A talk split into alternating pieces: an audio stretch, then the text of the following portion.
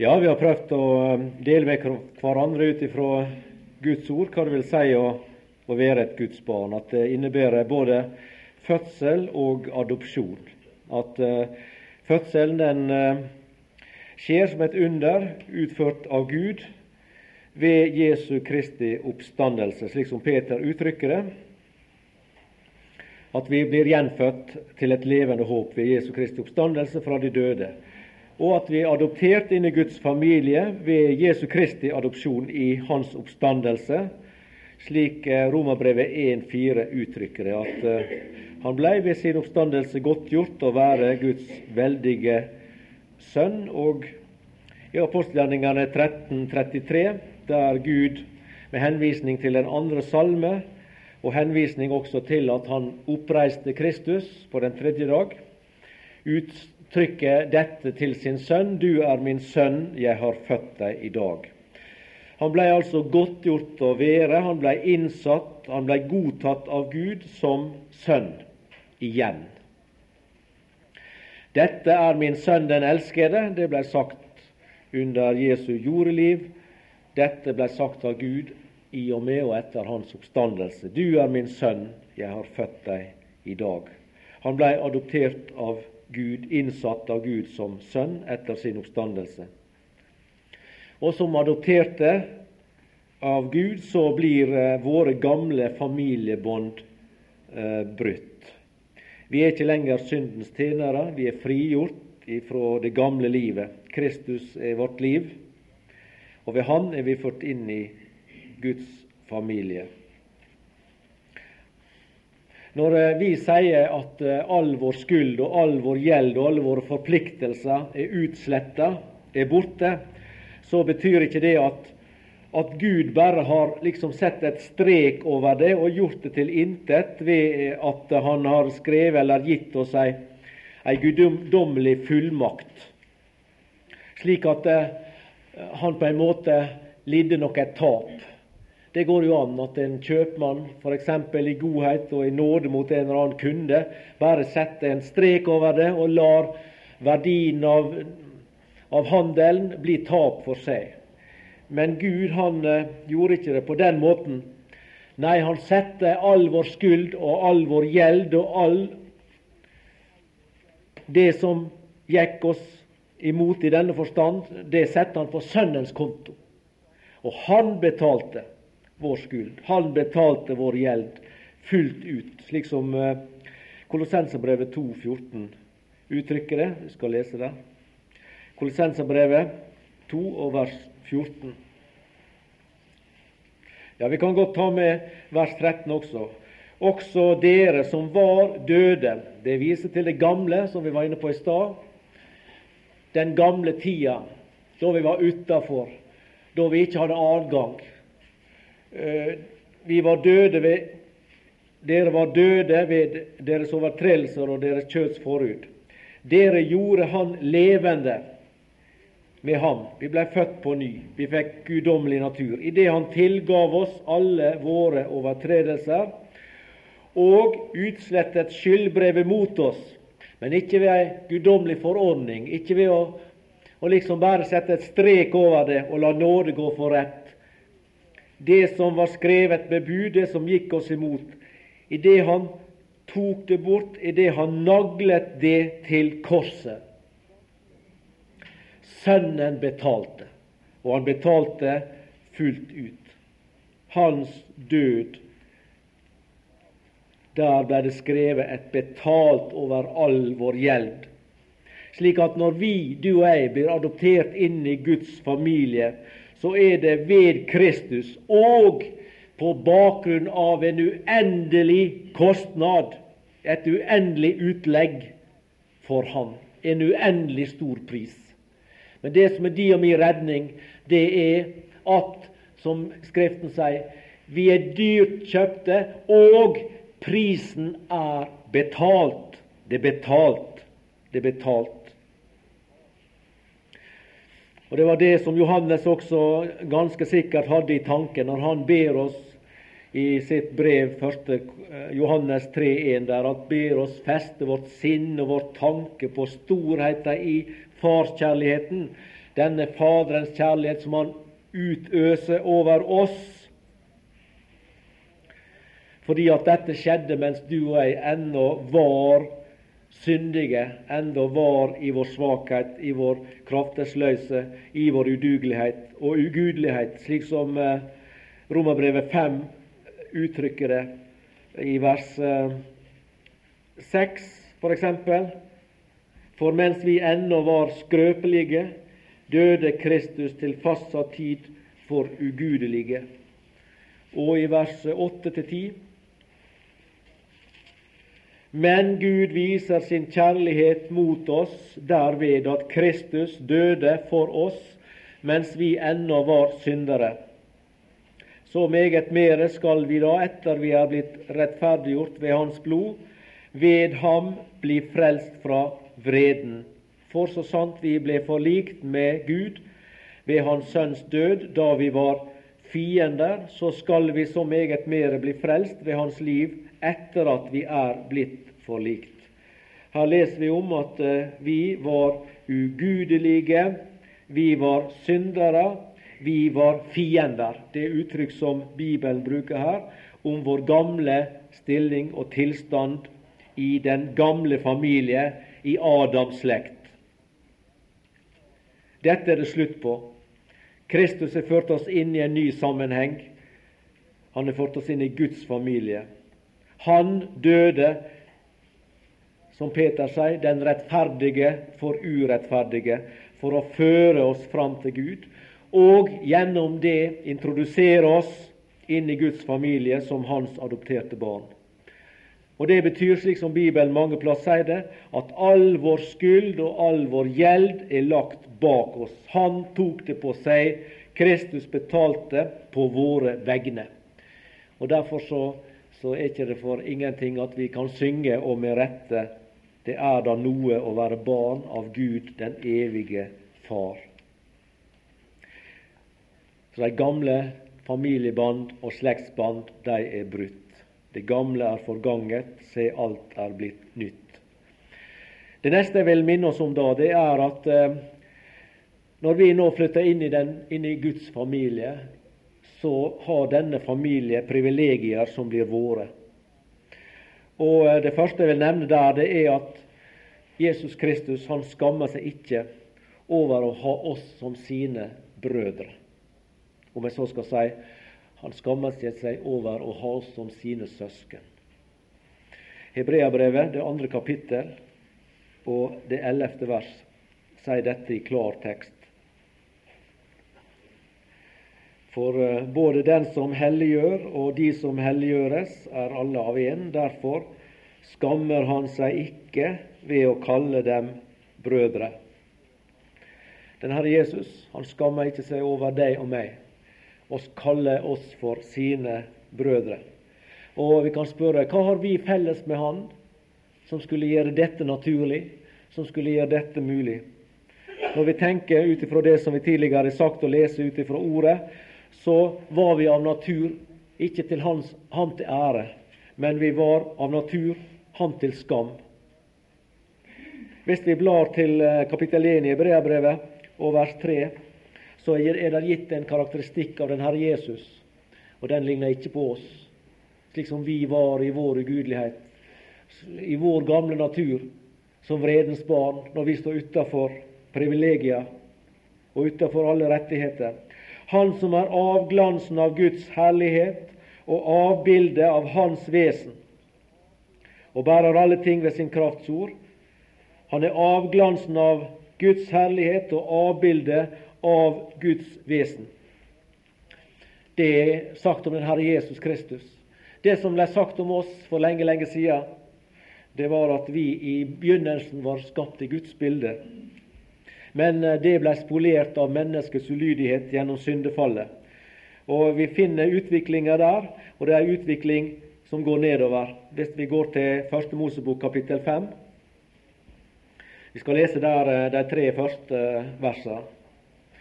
Og der ser du, Når vi leser de versene, så ser vi at vi starter på toppen og ender på bunn. Det er utvikling som går ned. fra Jerusalem til Jeriko, om du vil si det på den måten. Dette er boken om Adams ett. På den dag Gud skapte mennesket, skapte han det i Guds lignelse. Det er liksom utgangspunktet. Til mann og kvinne skapte han dem, og han velsignet dem og ga dem navnet menneske på den dag de ble skapt. Men så skjedde det noe dramatisk, vet vi, som kom imellom menneske og Gud. Og så går vi i neste vers. Da Adam var 130 år gammel, fikk han en sønn, men dessverre ikke i Guds lignelse, ikke i Guds bilde. Men han fikk en sønn i sin lignelse, etter sitt bilde, og han kalte ham Sett. Og fra den dag av så gikk menneskegenerasjonene gjennom tusenvis av år. Nye generasjoner ble født i sine foreldres bilde etter sin foreldres lignelse.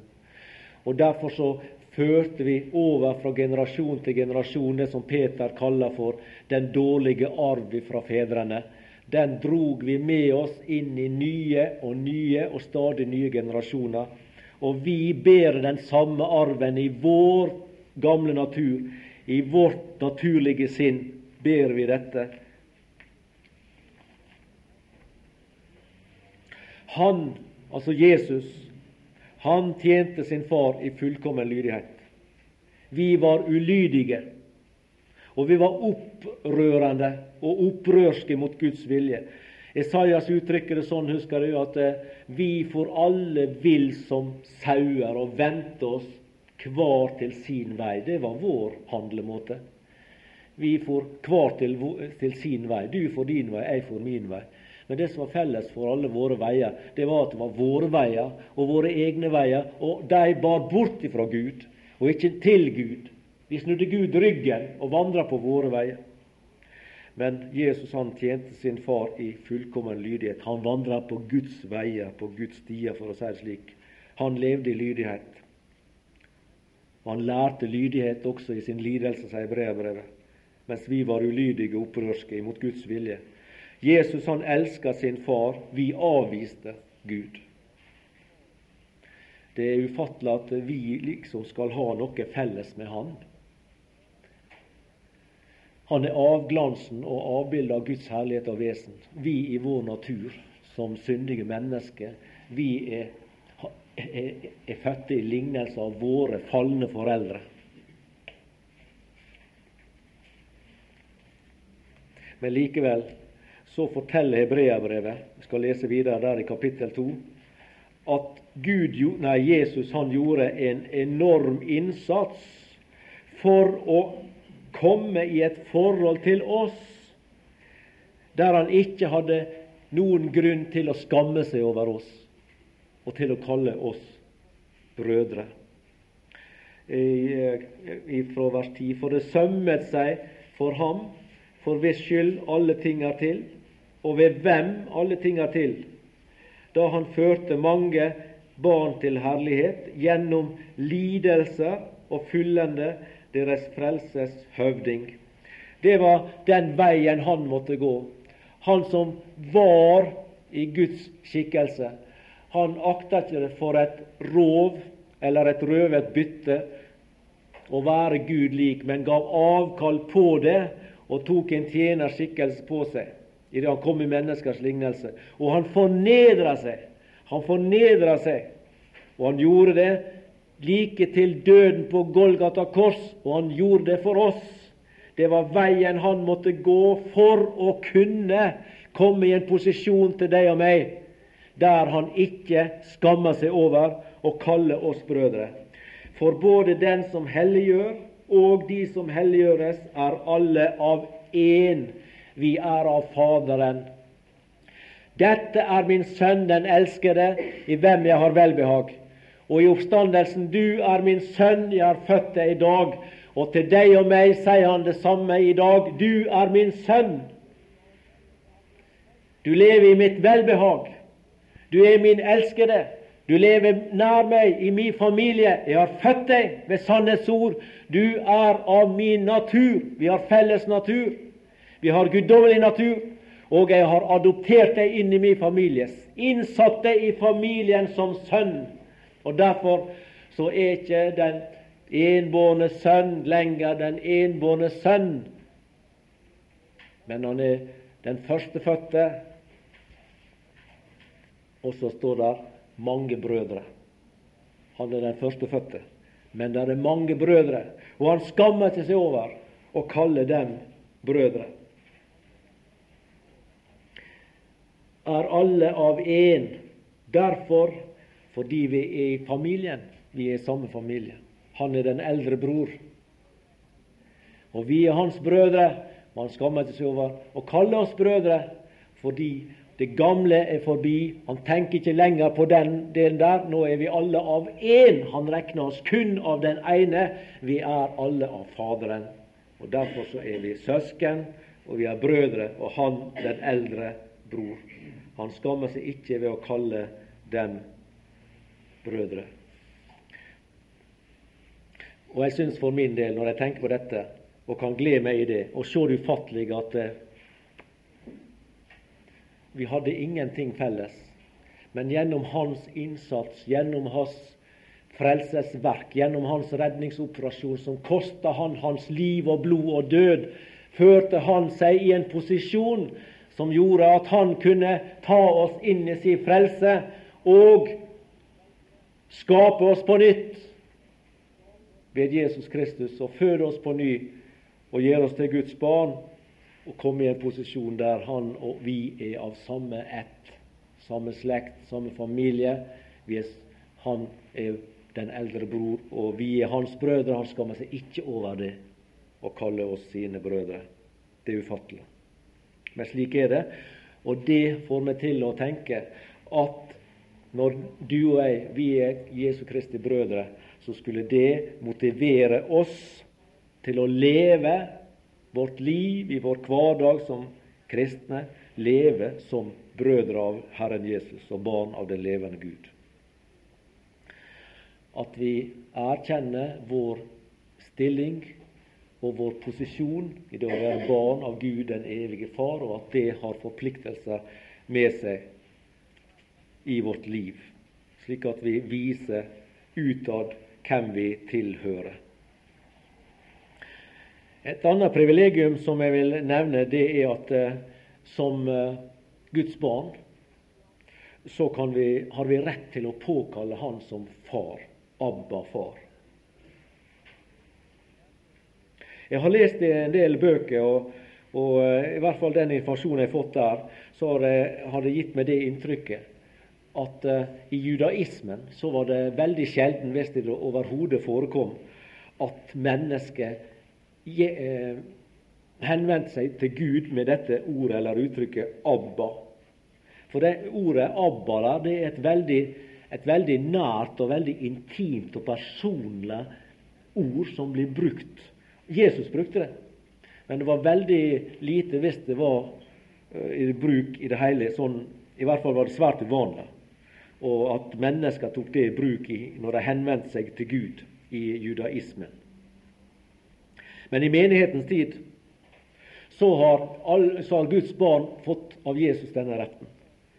Overtatt denne retten og denne uttrykksforma som Jesus brukte når han samtalte med Faderen jeg skal ta et eksempel fra Markus evangeliet i det 14. kapittel, der eh, Jesus bruker dette uttrykket. Det er i Markus 14 og i vers 36.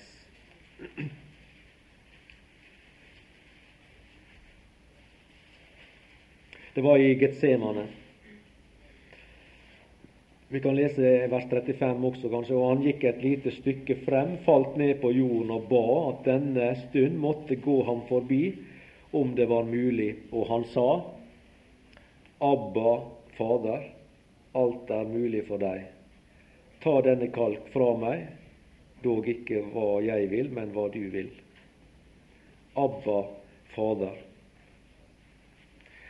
Det var Jesu intime, personlige, nære kontakt til Far. det uttrykte veldig nærhet, dette uttrykket Abba. Abba, Fader. Og Hvis vi da går til eh, Romerbrevet, det åttende kapittel, så ser vi at uh, den retten har uh, Guds barn fått, overdratt av Jesus. Han har gitt oss den samme retten. Han, vi har den samme adgang til Faderen. Ved ham, las vi i Feserbrevet i går, har vi fått adgang til Faderen i en ånd. Ved ham har vi fått adgang. Vi står ikke lenger utafor. Vi er med i familien, og som familiemedlemmer, som Guds barn, så har vi adgang til Far. Og Der står det i Romerbrevet 8 og vers 15.: Dere fikk jo ikke trelldommens ånd, så dere atter skulle frykte. Men dere fikk barnekårets ånd, sønnekårets ånd, ved hvilken vi roper Abba, Fader. Abba, Fader. Og i Galaterbrevet, det fjerde kapittel og sjette vers, finner vi samme uttrykket også brukt. Galaterbrevet 4, 6. Og fordi dere er sønner, har Gud sendt sin Sønns ånd i våre hjerter, som roper Abba, Fader. Og Dette privilegium å kunne gå til Gud og si Abba, far, kjære far. Fader, som sangeren uttrykker det, ditt barn du hjelper må. Det har vi fått overdratt av den Herre Jesus. Vi leser om det i eh, i eh, Matteus 11, vers 27, der eh, han sier at han har fått alt fra Faderen, og han gir det til den han vil. Han, han er i besittelse av alt, og så gir han det, eller åpenbarer det, til den han vil. Eh, Matteus 11, vers 27. Alle ting er meg overgitt av min Fader. Og ingen kjenner Sønnen uten Faderen, heller ikke kjenner noen Faderen uten Sønnen, og den som Sønnen vil åpenbare det for. Han hadde rettigheter, den Herre Jesus. Han hadde privilegier. Han hadde ting overdratt fra sin Fader, som han hadde råderetten over, og han ga det til de han ville. Og Her ser vi bl.a. dette med kunnskap og kjennskap til Faderen og Sønnen. Det var også noe som den Herre Jesus kunne åpenbare for, eller holde det lukka for. Og Det står også andre plasser at ingen kan komme til Faderen uten ved den Herre Jesus Kristus. Og Det betyr at så sant du og jeg er et Guds barn, at vi hører Gud til, er av Hans sønner, så kan vi komme til Han, be til Han, henvende oss til Han, kalle på Han og si 'Abba, Far'. Galaterbrevet sa jo det veldig klart, at nettopp med grunngjeving i dette at fordi dere er sønner Det er der dette privilegium er knytta til. Fordi dere er sønner. At Gud har adoptert oss satt oss inn som sønner i familien, har Han sendt sin Sønns ånd i våre hjerter, som roper 'Abba, Far'. Kristus har gitt oss adgang like inn i Faderens nærhet. Og Det er akkurat som om at Han sier til oss, ved å gi oss denne, dette privilegium, ved å overføre det til oss, så sier Han omtrent sånn at nå kan du tale, henvende deg til Faderen, akkurat på samme måten som jeg henvendte meg til Faderen når jeg levde her nede, med de samme rettigheter, med den samme rettmessige adgang, med den samme grad av nærhet, med den samme grad av visshet om at Faderen hører på, og den samme grad av visshet om at Faderens kjærlighet omslutter oss hele veien. Slik som vi, Det står vel i et sangvers noenlunde slik, som har med vår stilling å gjøre som frelste mennesker, også i vårt forhold til Far, at vi kan komme til Far og si 'Abba, Fader'. Så nær, så ganske nær til Gud. Mer nær ei tenkes kan. Er jeg uti Hans Sønn nå like nær som Han? den Herre Jesus levde i nært fellesskap, i fortrolig samfunn med Faderen. Du og jeg har mulighet til akkurat det samme, til den samme nærhet, til den samme kjærlighet, til den samme adgang. Vi kan komme på samme måten. Abba, Fader. Abba, Fader.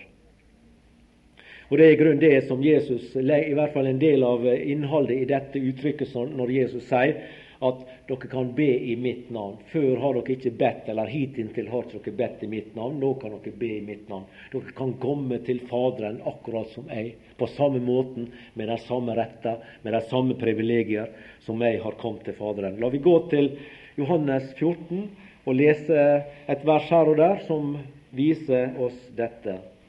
Johannes evangeliet, det 14. kapittel, og vi kan starte på vers 13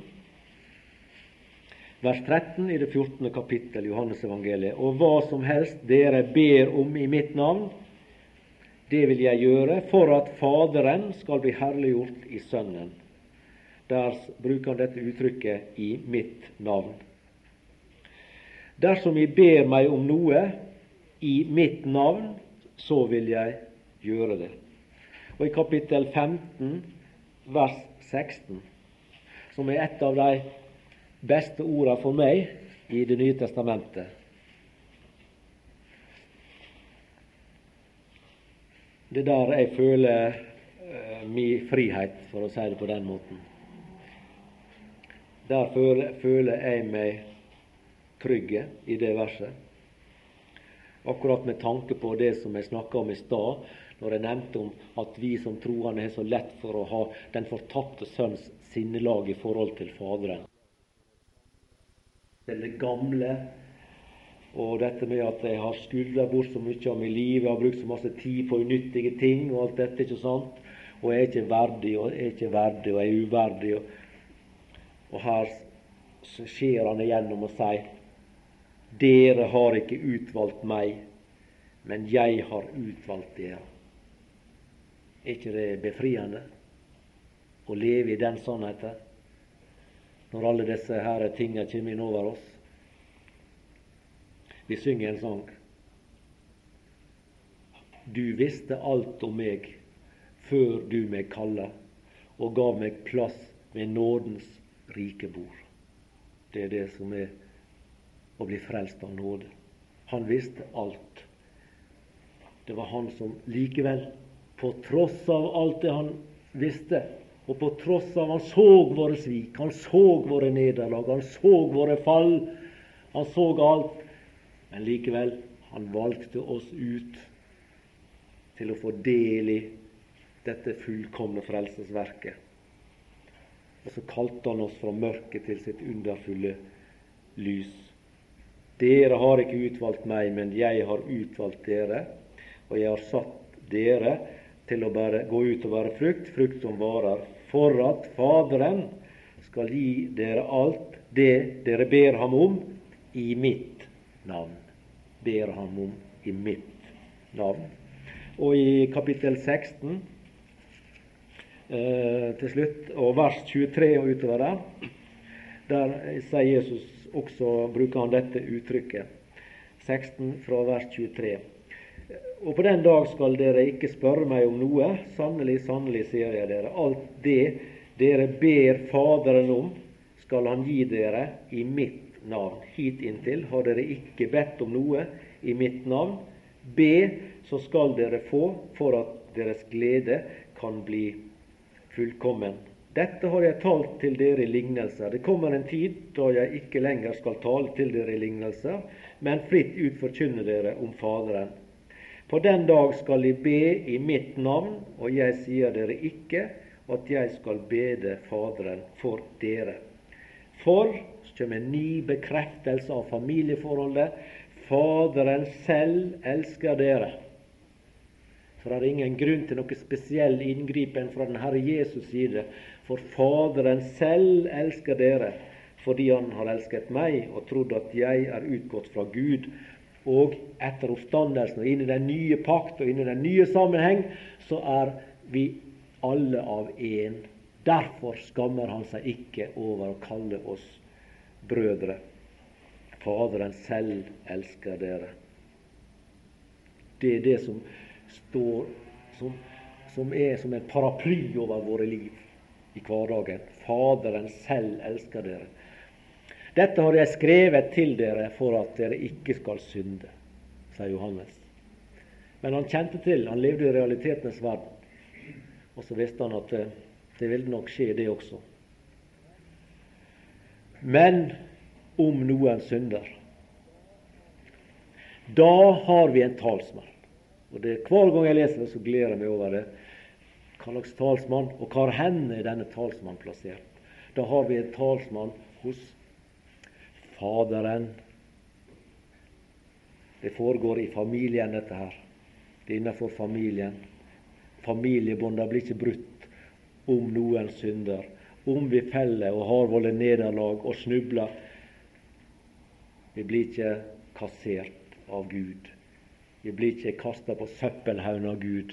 Vi blir ikke dytta ut av familien. Nei, han ordner det i familien. Da har vi en talsmann hos Faderen. Og denne talsmannen han er ikke der fordi at det blir Faderen vil gjøre oss vondt. Nei, Faderen selv elsker dere. Men han er der og viser seg. Han er en soning. Også i den evige verden står den Herre Jesus fram som en soning for våre synder. Så det viser at Golgata-verket er bare i tiden og i evigheten, og at alt vårt er skjult i Jesu blod. Og Gud, han har for sin del som far så ser han bare på det nye livet som han sjøl har skapt, og han regner med oss i den nye familie som vi er en del av, der han er vår far. Og Det betyr ut fra disse ordene her at Gud og Fars øre lytter til dine og mine bønner, akkurat slik som han lytter til sin sønns bønner da han levde her på jord. Abba, Fader. Det tredje privilegium jeg vil nevne i kveld, og det siste, det er at som et Guds barn så eier vi Faderens omsorg. Vi lever under Faderens omsorg og den eldre brors inderlige medfølelse. En del av denne omsorg og medfølelse finner vi også omtalt i Det gamle testamentet. Vi skal lese et par plasser. Det første det er i Salme 103. Det er en av de plassene i Det gamle testamentet der vi finner dette uttrykket 'far'. Salme 103 og eh, det 13. vers. Der ser vi Faderens kjærlighet, Faderens sinnelag, Faderens miskunnhet, Faderens omsorg for barna. Som en far forbarmer seg over sine barn, forbarmer Herren seg over dem som frykter ham. Og i Hoseas, profeten Hoseas er det et par vers i kapittel 11 som også viser Guds sinnelag. Da er det retta mot Israel. Men eh, det er også et bilde på Faderens sinnelag mot barna i familien i dag, som kommer deg og meg til gode, som viser at du og jeg, som Faderens sønner og barn, vil leve under denne omsorg og denne kjærlighet og denne omtanke som vi finner der i, i Hoseas 11. Da Israel var ung, hadde jeg ham kjær, og fra Egypten kalte jeg min sønn. Jo mere de, så står det merke i min bibel, profetene kalte på dem, dess mere gikk de bort fra dem. De ofrer til balene og brenner røkelse for de utskårne bilder. Hadde jeg ham kjær, min sønn, jeg hadde ham kjær, det var farkjærligheten retta mot, mot, sønnen. Det var farkjærligheten retta mot, mot uh, han som var i familien, for å si det på den måten. Og så merker han akkurat på en måte noe lignende som i Lukas 15 der, at det var andre krefter som drog denne sønnen andre veier. Gikk de bort fra dem, de ofret til balene, altså de vendte seg til avguder og vendte ryggen til far og vendte ryggen til heimen og vendte ryggen til dette og ut i fremmedlandet. Det ligner veldig. Og det, han som står igjen, det er en far som brenner av en inderlig nød i sitt hjerte for denne sin sønn som han har så kjær, og så ser han uten at han kan gjøre noe med det, at sønnen vender han ryggen og får andre interesser. Og så leser vi i vers eh, åtte Hvorledes skal jeg kunne gi deg opp, Efraim, gi deg til pris, Israel? Hvorledes skal jeg kunne gi deg opp som Adma, gjøre med deg som med Sebuim?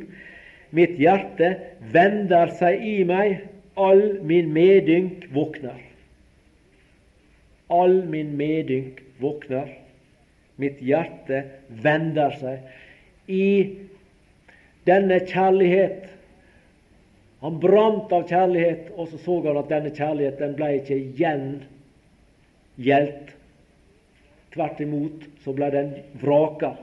Men han sjøl, Gud, står her og sier jeg gir ikke det opp. Jeg gir ikke det opp. Min kjærlighet, den varer ved, og min kjærlighet, den er retta mot deg. Jeg gir ikke det opp, sjøl om det vender seg i meg av nød, av angst, av sorg, av smerte, fordi du behandler min kjærlighet på denne måten.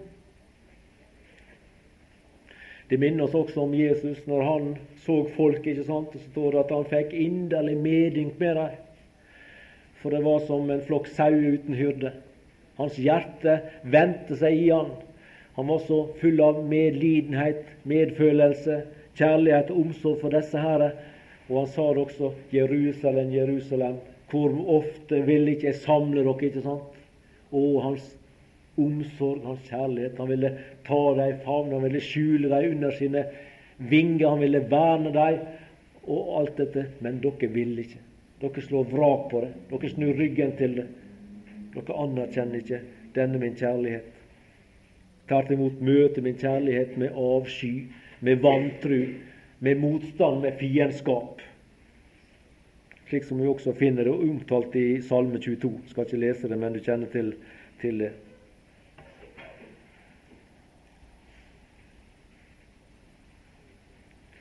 Denne medfølelse som vi leser som en, liksom en far forbarmer seg over sine barn. La oss vi salme, og slik som det kommer fram Guds kjærlighet og hans sinnelag retta imot Israel her i Oseas, det finner sitt sterkeste uttrykk gjennom Jesus Kristus. Hans kjærlighet, hans medfølelse, hans omsorg. For oss førte han som sangstrofa sier, fra himmelens lyse saler ned til vår mørke jord. Eh, Hebreabrevet, kapittel 4, forteller det. Jeg skal lese det verset. Det er 4 og vers 15. Det er hans medfølelse, hans kjærlighet, hans omtanke. For vi har ikke en ypperste prest som ikke kan ha medynk med våre skrøpeligheter, men en sådan som er prøvd i alt, i likhet med oss, dog uten synd. Vi har en ypperste prest, vi har en eldre bror, som har på så mange måter, på mange vis, vist oss og bevist oss sin kjærlighet, sin medkjensle, sin medynk, sin omsorg han er blitt prøvd i alt, og fordi han har denne erfaring i sitt eget liv, så kan han vise denne på oss med forståelse. Han kan vise forståelse. Han har medynk med våre skrøpeligheter. Som den prøvde bror, så har han medynk med oss. Som den syndfrie bror frelser han oss. Han har denne doble tjeneste, den Herre Jesus. Han tar oss ifra det gamle landet og setter oss over, som Paulus sier. Satt oss over i sin elskede Sønns rike. Over fra døden til livet, fra Satans makt til Gud.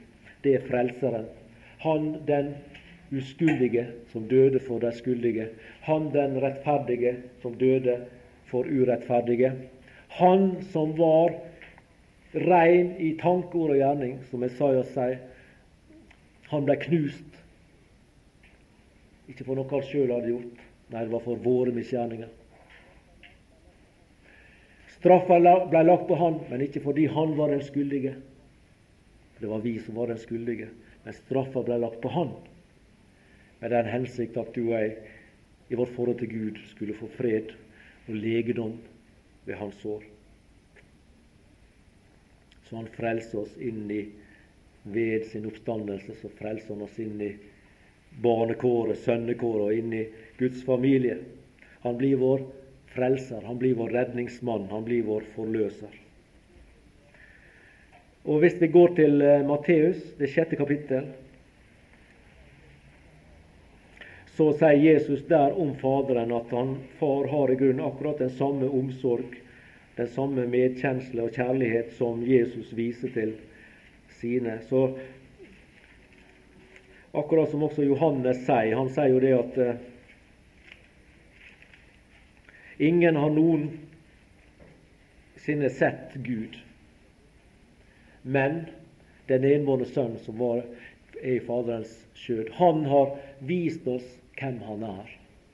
Slik at når vi opplever den Herre Jesu Kristi kjærlighet, hans omsorg, hans rekkevidde av hans frelsesverk, hva det innebærer for oss av alle ting, av alle privilegier, rettigheter og alt dette, så gjelder det samme for Faderen. Matteus kapittel 6 eh, og vers 8. Der sier Jesus Gjør derfor ikke som de Altså, Han viser til noen lenger oppe her som eh, han kaller i vers 5 for hyklerne. Når dere ber, skal det ikke være som hyklerne, for de vil gjerne stå og be i synagogen og på gatehjørnet osv. for å vise seg for menneskene.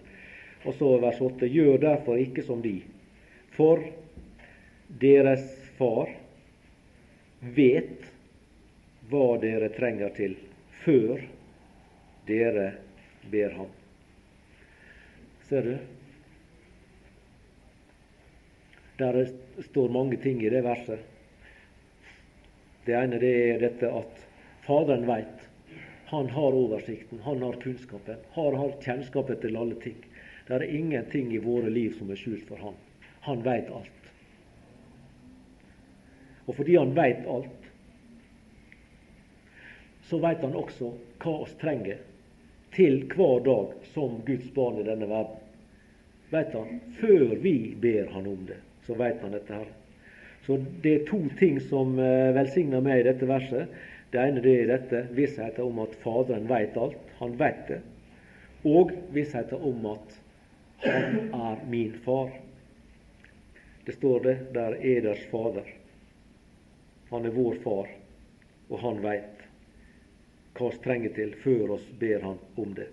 Og det gir trygghet i livet. Det gir glede i livet å kjenne til og ha kunnskap om og visshet om dette Guds allvitenhet og Faderens allvitenhet, og at Han er vår Far, og at vi kan møte Han til enhver tid, overalt, hvor vi enn ferdes.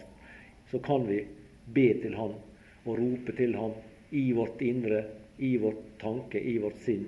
Så kan vi rope overalt. I arbeidet, hvor vi enn ferdes. Om vi sitter inne i et fly, på en bil, i et klasserom, på en arbeidsplass, på et kjøkken, hvor som helst. Abba, far. Vi har kontakt til enhver tid. Abba, far, og han veit alt. Og han veit hva vi trenger til før vi kommer med våre bønner, begjæringer og det som ligger oss på hjertet.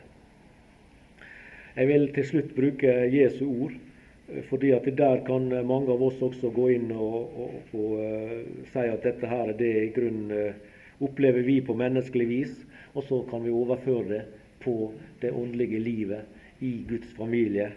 Og det er i, i kapittel 7, Matteus. Kapittel 7, og vers 9 til 11. Eller hvilket menneske blant dere er det vel som vil gi sin sønn en sten når han ber ham om brød, eller vil gi ham en orm når han ber om en fisk? Dersom da dere, som er onde, altså vi som har den gamle natur i oss også, selv om vi er blitt gjenfødt, så ber vi på den gamle, syndige natur. Dersom da I, som er onde, vet å gi deres barn gode gaver, hvor meget mere skal da ikke deres Far i himmelen gi dem gode gaver som ber ham?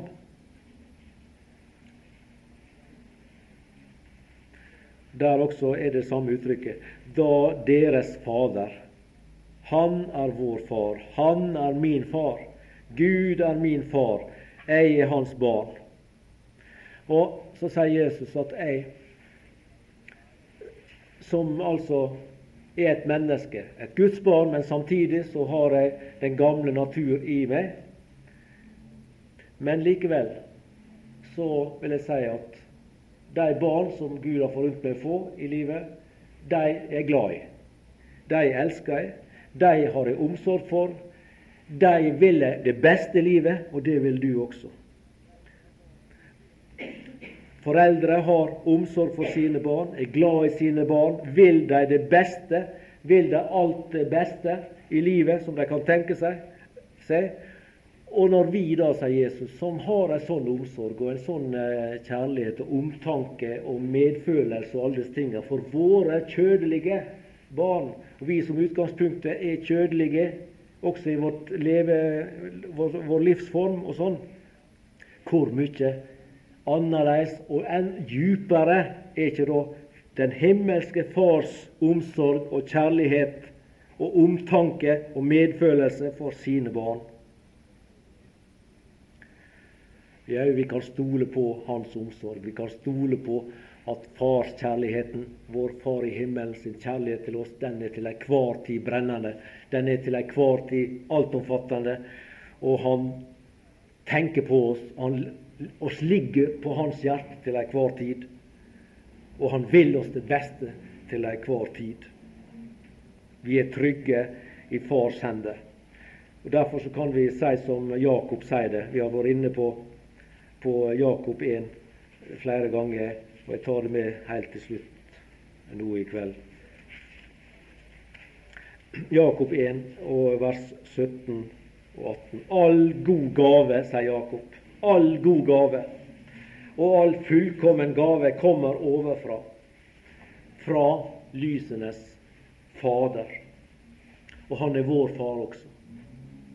Han er vår far. All god gave og all fullkommen gave kommer ovenfra, fra lysenes Fader, hos hvem det ikke er forandring eller skiftende skygge. Etter sin vilje har Han født oss ved sannhets ord, for at vi skal være en førstegrøde av Hans skapninger.